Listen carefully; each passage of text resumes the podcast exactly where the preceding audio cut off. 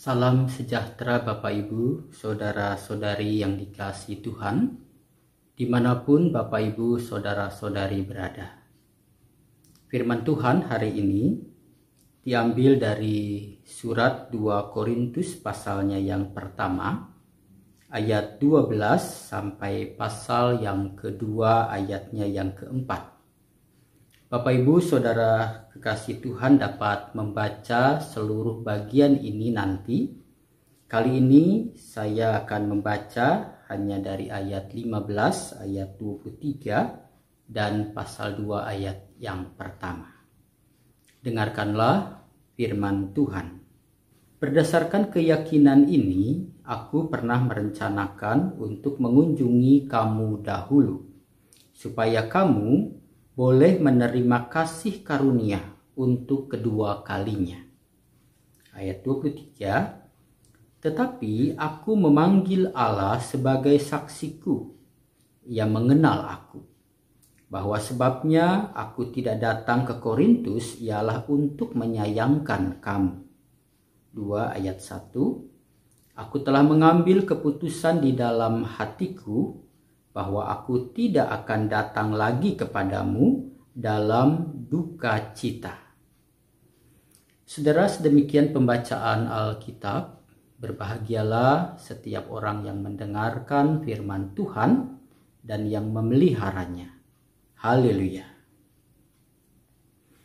Bapak Ibu, saudara-saudari yang dikasihi Tuhan, ada pepatah mengatakan kita manusia boleh berencana, tetapi Tuhanlah yang menentukan. Saudara-saudara melalui pepatah ini itu berarti bahwa kita manusia boleh merencanakan apa pun juga dalam hidup ini. Kita merencanakan agar kehidupan kita boleh berjalan dengan terarah dengan baik dan kemudian kita dapat melewati step by step dalam kehidupan sehingga kita dengan rencana-rencana itu kita dapat berhasil. Tapi saudara-saudara kekasih Tuhan, kita merencanakan banyak hal, tetapi akhirnya kita diingatkan bahwa apakah rencana itu bisa kita lakukan, bisa terlaksana atau tidak, sebetulnya semuanya itu tergantung dari perkenanan Tuhan sehingga kita boleh melakukan rencana itu atau kita harus menunda dan lain sebagainya. Nah, saudara-saudara yang dikasih Tuhan, melalui perikop yang kita baca, kita melihat tentang rencana perjalanan Paulus untuk mengunjungi jemaat Korintus yang ia sudah rencanakan dengan baik seperti yang dikatakan di dalam ayatnya yang ke-15 tadi. Ia katakan berdasarkan keyakinan ini aku pernah merencanakan untuk mengunjungi kamu dahulu supaya kamu boleh menerima kasih karunia untuk kedua kalinya Saudara, Paulus mengatakan ia punya rencana untuk mengunjungi jemaat Korintus dengan maksud supaya mereka menerima kasih karunia untuk kedua kalinya. Atau dengan kata lain, ia menerima kesempatan menerima berkat yang kedua dalam kunjungan Paulus ini. Saudara-saudara kekasih Tuhan, rencana yang baik ini Tentu ia katakan bahwa ia telah merencanakan itu dengan kesungguhan hati. Di situ kalau kita baca di ayat 16 sampai ayatnya yang ke-22, Paulus katakan rencana itu tidak pernah ia rencanakan dalam keraguan. Dia tidak mengatakan ya dan tidak. Dia merencanakan itu dengan keyakinan bahwa roh Tuhan akan menolong dia mewujudkan rencana itu. Nah, tetapi saudara, sekalipun rencana yang disusun dengan baik dilakukan dengan penuh keyakinan itu, di ayatnya yang ke-23 ia katakan ia membatalkan rencana itu. Saudara, pembatalan rencana ini tidak jadi berkunjung ke jemaat Korintus, saudara, itu bisa saja mengundang banyak polemik di tengah-tengah jemaat. Ada banyak pendapat, isu yang bisa saja mendiskreditkan Rasul Paulus. Dan tentu kalau kita baca telusuri, ada juga yang berpikiran kemudian Paulus itu bukan Rasul Kristus dan lain sebagainya. Nah saudara-saudara kekasih Tuhan melalui perikop yang kita baca, Rasul Paulus perlu menjelaskan mengapa ia batal mengunjungi jemaat Korintus. Dan itu saudara diungkapkan dalam ayatnya yang ke-23. Bahwa ia tidak datang ke Korintus karena ia sayang kepada jemaat Korintus ini. Lalu pasal 2 ayat 1 ia katakan jangan sampai aku berkunjung kemudian itu membawa duka cita kepadamu.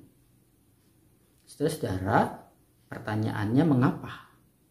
Kalau Paulus berkunjung itu membawa duka bagi jemaat Korintus dan karena sayangnya kemudian ia batalkan. Saudara yang dikasih Tuhan, kita tahu bahwa jemaat Korintus ini dari pasal surat Korintus yang pertama, pasal pertama, di situ kita melihat ada perpecahan di dalam jemaat. Selain perpecahan karena karunia-karunia yang berbeda-beda, tetapi juga perpecahan akibat ada golongan-golongan yang terjadi di dalam jemaat yang menyebut dirinya golongan Paulus, golongan Apolos, golongan Kepas, golongan Kristus. Dan Paulus melihat ia kemungkinan kalau ia berkunjung ke jemaat Korintus itu bukan akan membawa berkat, membawa kebaikan seperti yang ia rencanakan dan ia maksudkan kunjungan itu, tetapi di tengah perpecahan itu bisa saja kunjungannya itu bukan membawa berkat tetapi justru membawa duka cita. Karena akan memperuncing perpecahan yang ada. Golongan yang mengidolakan Paulus misalkan ia akan senang tetapi orang-orang yang lain mungkin dia akan merasa terganggu dan mereka merasa terpojok dengan hadirnya Paulus. Itulah sebabnya saudara-saudara dalam kondisi seperti itu Paulus menggumuli dengan hikmat Tuhan yang memutuskan untuk tidak jadi berkunjung. Demi kebaikan jemaat, demi kebaikan orang-orang Korintus, agar mereka dapat menyelesaikan persoalannya. Kemudian mungkin Paulus nanti akan mengunjunginya agar membawa damai sejahtera. Saudara yang dikasih Tuhan, dalam kehidupan kita tentu kita juga pasti mempunyai banyak rencana. Baik rencana secara pribadi maupun dalam kehidupan keluarga dan terlebih lagi dalam kehidupan jemaat berbangsa bernegara.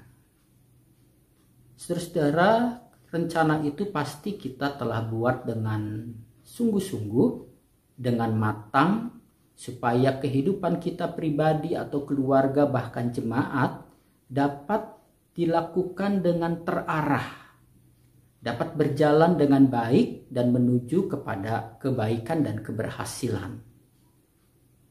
Tetapi saudara-saudara yang dikasih Tuhan, pada akhirnya apakah rencana kita bisa terlaksana atau tidak? Itu tergantung dari situasi dan kondisi yang kita hadapi saat akan melakukan rencana itu.